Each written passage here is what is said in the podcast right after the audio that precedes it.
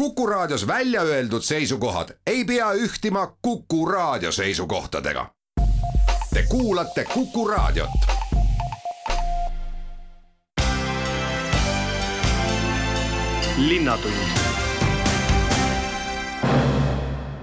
Tere, täna on teiega rääkimas Tartu linnapea Urmas Klaas ja küsimusi esitamas Madis Ligi ning meil on ette võtta viisteist pärimist. alustame loomulikult Ukraina teemal. kuidas aitab Tartu Ukrainat ja sealt tulnud põgenikke? see teema on praegu kahtlemata linnavalitsuses teema number üks.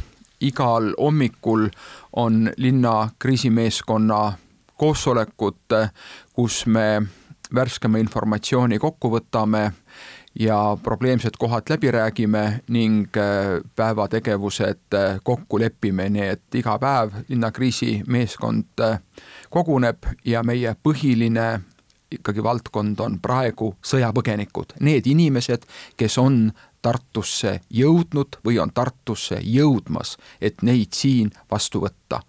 see töö Euroopas kui ka loomulikult Tartus käib väga heas koostöös erinevate ametkondade vahel. Konkreetselt sõjapõgenikega tegeleb Tartu linnavalitsuse sotsiaaltervishoiu valdkond ja Sotsiaalministeerium Sotsiaalkindlustusametiga. on sellised majutuskohad Tartu linnas neist kaks on praegu juba aktiivses kasutuses, kolmandat valmistatakse ette, eh, kuhu ka sõjapõgenikud hakkavad eh, jõudma, kus siis antakse esimene peavari, kus eh, on toitlustamine ja kus organiseeritakse esmane meditsiiniline läbivaatus, meditsiiniline abi, kui seda on vaja, me oleme korraldanud koos Terviseametiga ka esmatasandi meditsiiniabi ehk siis perearstide poolt äh, abi pakkumine, on olnud ravimite järgi vajadus, kus meie töötajad on kiiresti abistanud ka ravimite äh, kättesaamisel, sest tuleb inimesi, kes on krooniliste haigustega, kus ravimid on otsas, ka see pool. nii et äh, sõjapõgenikega on, on väga mitmed teemad korraga käsil ja nad on tõepoolest korraga käsil ja inimeste abivajadus, aga ka valmisolek oma eluga juba edasi liikuda on väga erinev. me peame ühtaegu andma heade koostööpartneritega koostöös äh, abi neile, kes just on saabunud, aga juba on ka inimesed, äh, kes otsivad aktiivselt tööd tahavad oma eluga edasi minna, on inimesed, kes soovivad nendest ajutistest majutuskohtadest, hotellidest juba edasi minna kindlama elamispinna peale ja tööle minna, et ka ise eh, ennast eh, aidata, mitte olla ainult abisaaja. Ja on ka juba esimesed eh, lapsed, kes omale juba on ka kooli leidnud, nii et lisaks sotsiaalabile, lisaks töövõimaluste vahendamisele, kus on Töötukassa väga head tööd teinud ja kiiresti, väga kiiresti kriisiolukorras ellu kutsunud sellise platvormi, mis viib kokku kokku tööotsijad ja tööpakkujad, on ka neid, kes tõepoolest juba otsivad kooli eh, ja, ja on juba kooli läinud. Ja on neid, eh, kes eh, vajavad ja kellele me väga hea meelega vahendame ja pakume huvitegevust, et oleks vaba aeg mõistlikult sisustatud. meie väga suur roll on kokku viia abipakkujat ja abivajajat ma olen väga liigutatud ja ka siin äh, raadio kaudu ütlen edasi väga südamest tulevad tänusõnad Tartu inimestele, kes mitte ainult ei ole tulnud Raekoja platsile laupäeval ja väljendanud oma solidaarsust ja laulnud nii Ukraina kui Eesti laule ja saatnud neid videosid üle maailma ja Ukrainasse, et Tartu on koos ukrainlastega, Ukrainaga oma mõtetes, aga ka tegudes. see abi, mida pakuvad äh, alates Tartu Ülikoolist, kes on Ukraina äh, tudengid aastaks õppemaksust äh, vabastanud, see on väga konkreetne abi. ja kuni Rodari klubideni, Lions klubideni välja, eraisikud, kes pakuvad kodumajutust, siin on küll ja küll neid inimesi, ja mul ei ole voli nende nimesid välja öelda, sellepärast et me ei ole selles kokku leppinud, aga, aga meile hästi tuntud tartlasi, kes on võtnud sõjapõgenikke oma koju, oma maakodusse, neile andnud võimalused seal nii-ütelda võtnud täielikule ülalpidamisele kuni selleni välja isegi, et on leidnud neile ja viivad lastele Eesti muinasjutte, mis on vene keeles välja antud. Eh, selleni välja, nii et seda ja tõepoolest see abi pakkumine on, on väga, väga ulatuslik ja ma kordan siin ühte meiliaadressi. abi pakkumine at tartu.ee abi pakkumine at tartu.ee on see meiliaadress, kuhu mina ja kolleegid, kelle poole inimesed pakuvad abi, saadame edasi ja, ja võite ka ise sinna otse oma abi saata, seal teie abi süstematiseeritakse ja viiakse kokku nendega, kes seda abi, mida teie olete suutelised pakkuma, eh, vajavad. Nii et eh, jah, meil on eh, ligi sadakond sõjapõgenikku praegu, neid tuleb juurde ja need humanitaarkoridorid, mis ma loodan, veelgi rohkem avanevad, need kindlasti toovad sõjapõgenikke siia, aga need koridorid võimaldavad ka abi Ukrainasse koha peale toimetada. no siin on palju ka inimestel isiklikke kontakte ja, ja, ja kontakte erinevate organisatsioonide vahel. nii näiteks äh, meie, meie Päästeliit äh, annetab ja viib kohale Ukrainasse kaks äh, võimsat veepumpa, mida on vaja tulekahjude kustutamisel, üks näide ja neid näiteid on väga-väga palju, nii et äh, näiteks kinoekraan on äh, pagulasabi selline toetuspunkt, kuhu, kuhu siis pakutav abi kokku tuuakse ja ja, ja sealt aga, sealt aga edasi, edasi liigub. nii et tööd on väga palju tartlased on väga tublid ning eh, see koostöö, mis erinevate ametkondade, organisatsioonide, inimeste vahel linnavalitsuse vahel praegu toimub, on väga, väga liigutav ja väga praktiline ja kindlasti väljendab see seda, kui sügaval südames, meie südames on Ukraina rahva võitlus. koolilastest oli juba juttu, kuid kas Tartu linn on valmis ka väikeseid ukrainlasi meie lasteaedadesse panema või tegema suisa omaette rühma? ja me räägime kogu haridussüsteemist, nii et alates alusharidusest, alates lasteaedadest kuni siis üldhariduskoolideni välja on äh, siia tulnutel võimalus valida kuhu nad oma lapsed soovivad panna. ja, ja ongi nii, et kui see esimene šokk on ületatud ja praktilisem iga päev peale, iga argipäev nii-öelda peale hakkab, selle järgi on reaalne vajadus ja praegu juba see selline paigutamine ka käib Tartu linn on teatanud, et lõpetab kontaktid oma Venemaal olevate sõpruslinnadega. kas need on kuidagi ka reageerinud meie otsusele? ei ole praegu reageerinud ja linnavalitsus on vastava eelnõu ette valmistanud, see tuleb linnavolikogu seitsmeteistkümnendal märtsil ähm, siis arutamisele ja, ja vastuvõtmisele ning äh, see on osa, üks samm nendest sammudest, mida demokraatlikud äh, lääneriigid, Eesti kaasa arvatud, äh, astuvad, näiteks eile tuli teade ka, et Euroopa Liit Euroopa Komisjoni otsuse näol lõpetab teadus- ja, ja sellised äh, koostööprojektid Venemaaga, mis neile ka näiteks rahalist tulu äh, annaksid. et selge on see, et et olgu see siis see valdkond või, või, või mõni muu valdkond, need suhted praegu ei ole relevantsed. linnatund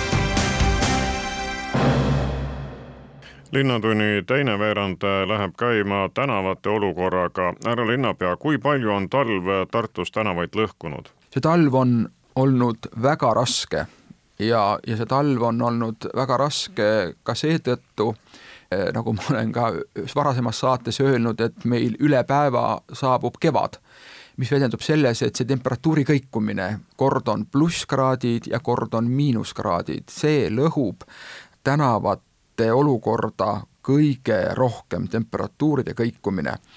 ja kuna ka talvel maa ei olnud väga külmunud, siis ka see mõjutab katendite olukorda ja, ja nad saavad äh, kannatada. nii et praegu me tegeleme igapäevaselt teekatendite seisukorra ajutise, ma rõhutan, ajutise remondiga, Tartu linnas liigub ringi kaks brigaadi, kes tegelevad külma seguga katendite remondiga. Ning äh, ka tehnovõrkude valdajad, olgu see veevärk, või siis Kren, kõigil, kellel on ka sellised tehnovõrgud, ka nemad tegelevad oma oma kaevude ümbruse remondiga ning äh, nüüd, kui ilmad lähevad soojaks ja tulevad püsivad plusskraadid, siis äh, ja teekate on sulanud ja asfalditehased saavad tööle hakata, siis praegused remonttööd tuleb üle teha kõik, sellepärast et külm segu on ajutine lahendus, aga millega tuleb tegeleda, sellepärast et, et muidu see tee laguneb veelgi rohkem kevadega käivad kaasas ka suurveed, eriti nüüd, kus lund on talvel palju olnud, eks ta veel sulab, kuid kuidas Tartu on selleks suurveeks valmis? me oleme suurveeks valmis, me peame olema, sellepärast et Emajõgi ja üleujutus on meie linna üks riske, mida me ka oma hädaolukorra kaardistamise töös oleme alati silmas pidanud.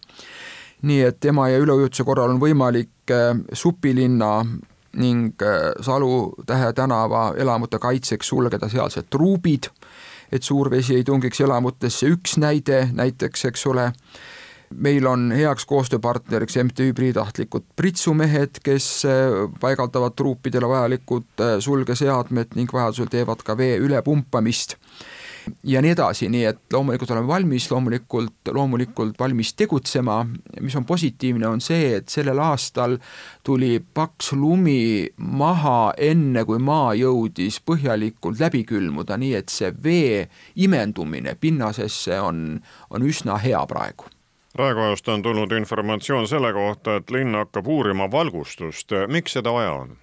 Seda on vaja sellepärast, et, et juba erinevad uuringud näitavad, et ebasobiv ja, ja häiriv valgustus pimedal ajal mõjutab sügavalt inimeste ööpäevarütmi, nende tervist ja, ja heaolu. Ja eriti mõjutatud on vanemaealised inimesed, nii et selle projekti tulemusena eh, me saame häid praktilisi teadmisi, mida tuleb silmas pidada linnavalgustuse planeerimisel ja rekonstrueerimisel, et vähendada valgustuse negatiivset mõju inimeste tervisele. paljud asjad on sellised, eh, ka seesama valgustuse mõju mida tuleb uurida, sellepärast et äh, järjest rohkem tuleb meil valgustust juurde, me näeme küll valgusekraane, me näeme, me näeme erinevaid valguslahendusi ja see kõik mõjutab äh, inimesi. nii et äh, meil on kolm pilootlinna, Tartu, Bologna ja Amsterdam, kes siis selles, selles projektis osalevad ja meie töötame kaasa ja, ja nagu öeldud, siis saame ka selle projekti kaudu teaduspõhiseid metoodikaid, tööriistu, eh, kuidas valgustuse mõju inimeste heaolule hinnata ja ka soovitused, kuidas tervislikku valgustust planeerida ja kasutada.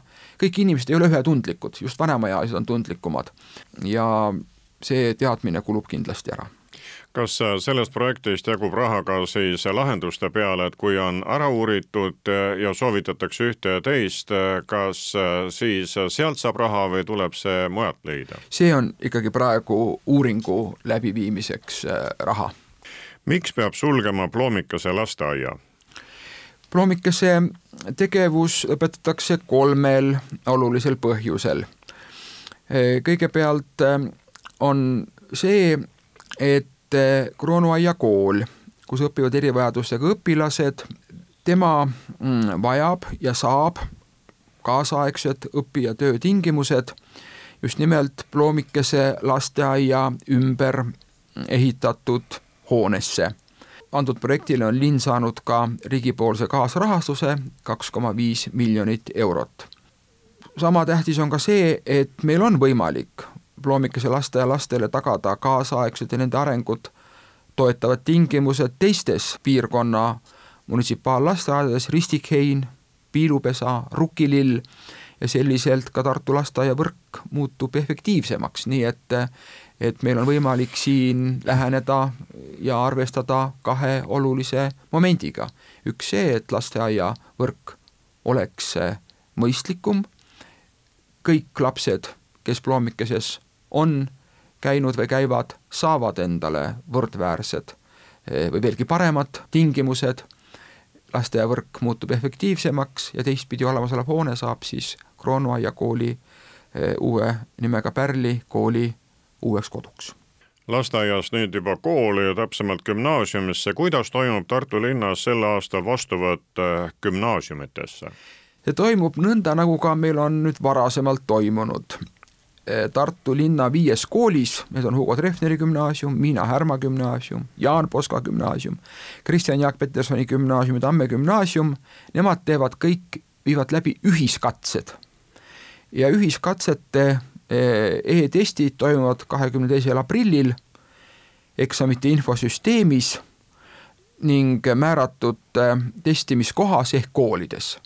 ja kui eelmisel õppeaastal sooritasid õppijad testid eh, kodudes, siis sellel aastal eh, määrab infosüsteem õpilasele kooli, kus test sooritada. ja paneme tähele, et ühiskatsetele saab registreeruda vahemikus neliteist märts kuni kakskümmend kaheksa märts, selleks on eraldi veebileht. Sisseastumine.ee, sisseastumine.ee ja, ja, ja seal saab ennast siis nendele katsetele registreerida. vestlused algavad üheksandast maist. nii et mm, ja kindlasti saab täiendavat informatsiooni ka Tartu linna haridusosakonnast. linnatund alustame Linnatunni teist poolt ja selle tõmbame käima pärimisega, mis käib Ujula tänava kohta. vastamas on linnajuht Urmas Klaas, usutleja Madis Ligi. mida on kavas linnal teha seal Ujula tänaval, mis on äh, olnud varem näidatud üliõunaks? Ujula tänav on kahtlemata väga oluline tänav ja praegu toimuvad Ujula tänava rekonstrueerimise tööd linna ujulaga piirneval lõigul nüüd Ujula tänava viimane lõik, mis kulgeb alates Lodja kojast ja läheb kuni Puiestee tänavani kenasti sellise kaarega sealt altpoolt, läbib põhjaliku uuenduse, ehitatakse asfaltkattega sõidutee, mille mõlema serva rajatakse jalg- ja jalgrattateed ning sõidu- ja kergliikluste vahele tuleb ka kõrghaljastus. sellesse töömahtu kuulub ka sademevee, vee- ja reovee kanalisatsiooni drenaažitorustike ja tänavavalgustuse ehitamine ning ümber tõstetakse ka elektrikaablid ja kogu sealne sidevarustus. nii et eh, kogu pikkus on, eh, on seal sõiduteel viissada kakskümmend meetrit ja kergliiklustee kogupikkus kuussada kümme meetrit võtame ette Tartu-Riia liini ja seda nii bussi kui rongi poole pealt. kui populaarne on Tartu-Riia buss ja millised on arengud rongiliikluse arendamise osas? Tartu-Riia buss on mm, olnud äh, nüüd eriti just koolivaheajal muide väga populaarne. E, ja Lux Express opereerib seal e, ning äh, lähiajal saab nende käest ka täpsema statistika, nad peavad vastavalt, eh, kuivõrd linn toetab seda liini, meile ka, meile ka statistikat saatma. praegu oli meil nendega põgus eh, kontakt, kuivõrd see küsimus oli ju ette antud ja teada. täpsem statistika ilmselt tuleb järgmises linnatunnis, aga ma võin öelda praegu, et bussi järgi on vajadus ja, ja, ja eriti koolivaheajal. nüüd eh, rongiühenduse osas on nõnda, et et äh, meil on järgmisel nädalal Majandus-Kommunikatsiooniministeeriumiga äh, ühine nõupidamine, äh, kus me veel Eesti-poolsed tingimused omavahel läbi räägime. Läti on, Läti raudtee on valmis rongiliini siis Valkast pikendama Tartusse.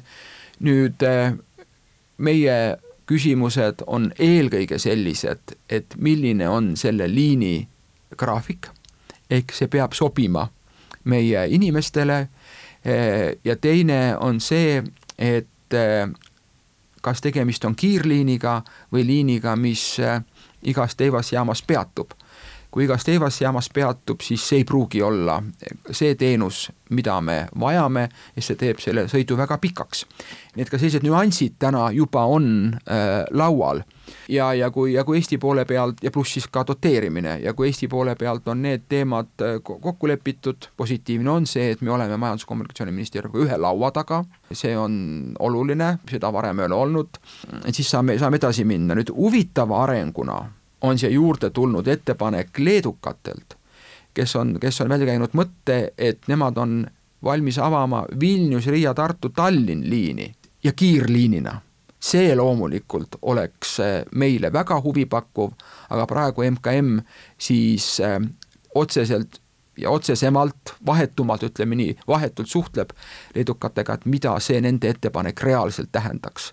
nii et me oleme liikunud edasi, kindlasti erinevad võimalused juba on laual rahvusvahelistest kontaktidest ja sõitudest veel, sellepärast et äh, teadupärast on ju välja hüütud, et kevadel hakkavad uuesti käima lennukid äh, Tartu ja Helsingi vahel. kas nüüd praeguses olukorras on see endiselt üleval ja lootus reaalne või on olukord muutunud?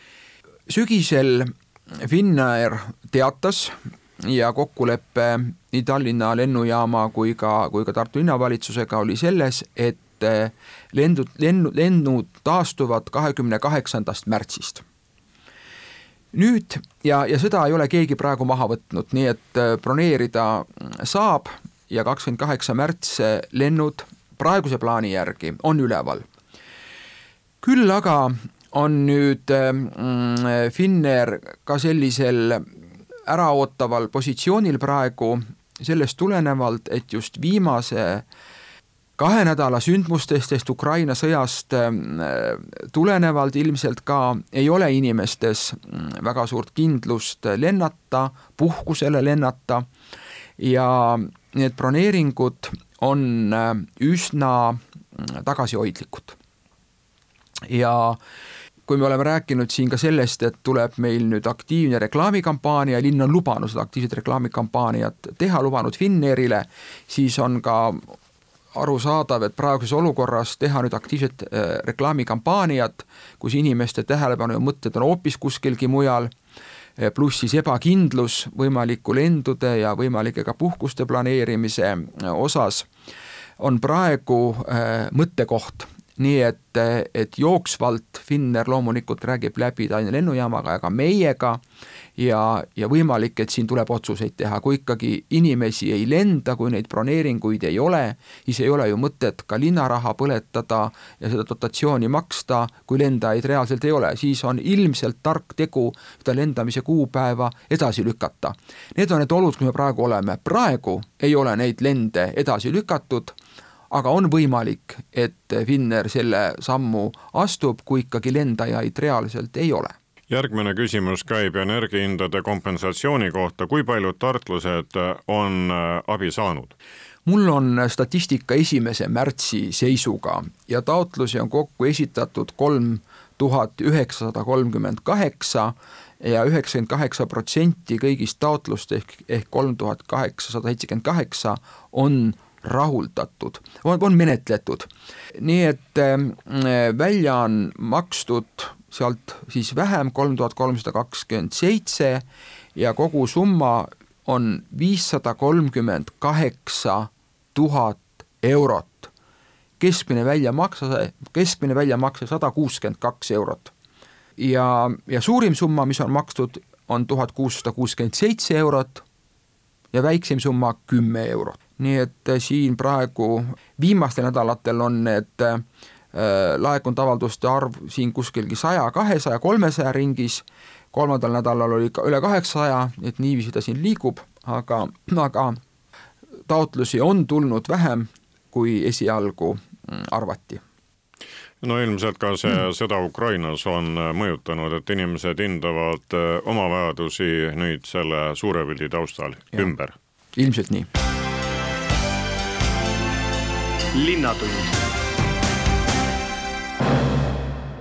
oleme jõudnud Linnatunni viimase veerandini, Tartu meer Urmas Klaas on pärimistele vastamas äh, ja teispool lauda Madis Ligi. Mida tähendab korterelamute renoveerimise hoogustamine?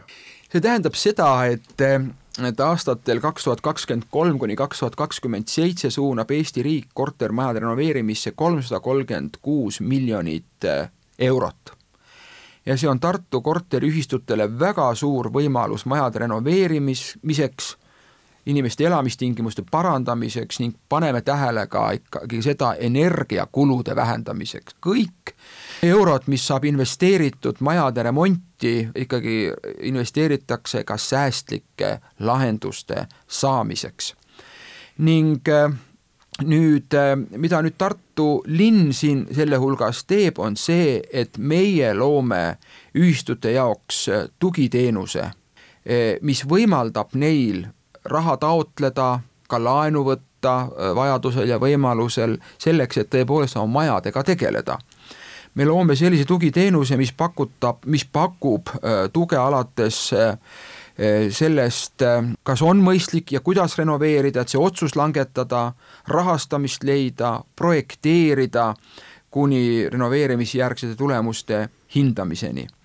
nii et on võimalik saada tuge ühistutel veel kord, kordan, renoveerimisprojekti koostamiseks, energiaauditite koostamiseks ja selleks, et olla valmis korteri ühistul investeeringu taotlemiseks. ja, ja selle valmisoleku nii-öelda siis selle õnge andmise taustal on meil ka kaks projekti, mis meil on õnnestunud saada ka reaalselt rahalise abi andmiseks. Nii on üks näide, et juba käib Annelinnas kuni viiekorruselise kolme kortermaja renoveerimisel. Ja ja lisaks siis veel ka on üks järgmine projekt, mis võimaldab meil terviklahendust pakkuda veel kolmele kortermajale ja kümnele eramule, aga need on pilootprojektid, need on näited, kuidas neid töid teha, kust eeskuju võtta ja kuidas oma tegemistega edasi minna. Venemaa sõjategevus Ukrainas on toonud päevakorda ka äh, Tartus ühe küsimuse, nimelt äh, kas peale Võidusilla võiks siis ümber nimetada veel äh, mõne objekti? võidusild on nii-öelda võidusild ja ka koalitsioonilepingus on kokku lepitud, et et sellele sillale Tartu Tartule kohase ja Tartu väärtusi eh, kandva nime konkursi me korraldame, praegu oleme sellega algust tegemas, noh, on päris selge, et eh, ikkagi sild, eh, mis on sõjaveteranide ettepanekul nimetatud suure Isamaasõja võidu kahekümnenda aastapäeva ajal võidusillaks, eriti praegu ikkagi ei ole ikkagi kohane nii et see konkurss ja uute nimede otsimine täpsemalt seisab ees? jaa, see küsimus on päevakorras volikogu seitsmeteistkümnenda märtsi istungil, äh, sealt äh, alates siis saab nimekonkursi välja kuulutada, me võtame selleks piisavalt aega, et sild saaks Tartule väärika ja, ja, ja Tartule sobiva nime aga äh, teisi taolisi võimalikke variante üleval ei ole, et äh, mõnda tänavat ümber nimetada no või siin, mõne kuju saatus otsustada? no siin äh, meil diskuteeritakse ja artikleid ilmub küll Pepleri tänava ümbernimetamise ümber ja, ja ja, ja, ja, ja kindral Põdra mälestuse jäädvustamise ümber ja siin on ka erinevaid ettepanekuid olnud, mis lõigus ja kus edasi. ma arvan, et need ei ole küsimused, mida me peaksime esmajärjekorras äh, praegu Tartu linnas äh, lahendama. selle silla osas on koalitsioonilepingus kokku lepitud, et nimekonkurss tuleb, praegu on aeg katalüsaatorina siin ka mõjutanud kindlasti ja meil on võimalik ja me tegeleme sellega, aga ma usun, et me peaksime praegu, peaksime praegu keskenduma sellistele põletavamatele teemadele. uus teadalähtmine käib Anne jalgpallihalli valmimise kohta.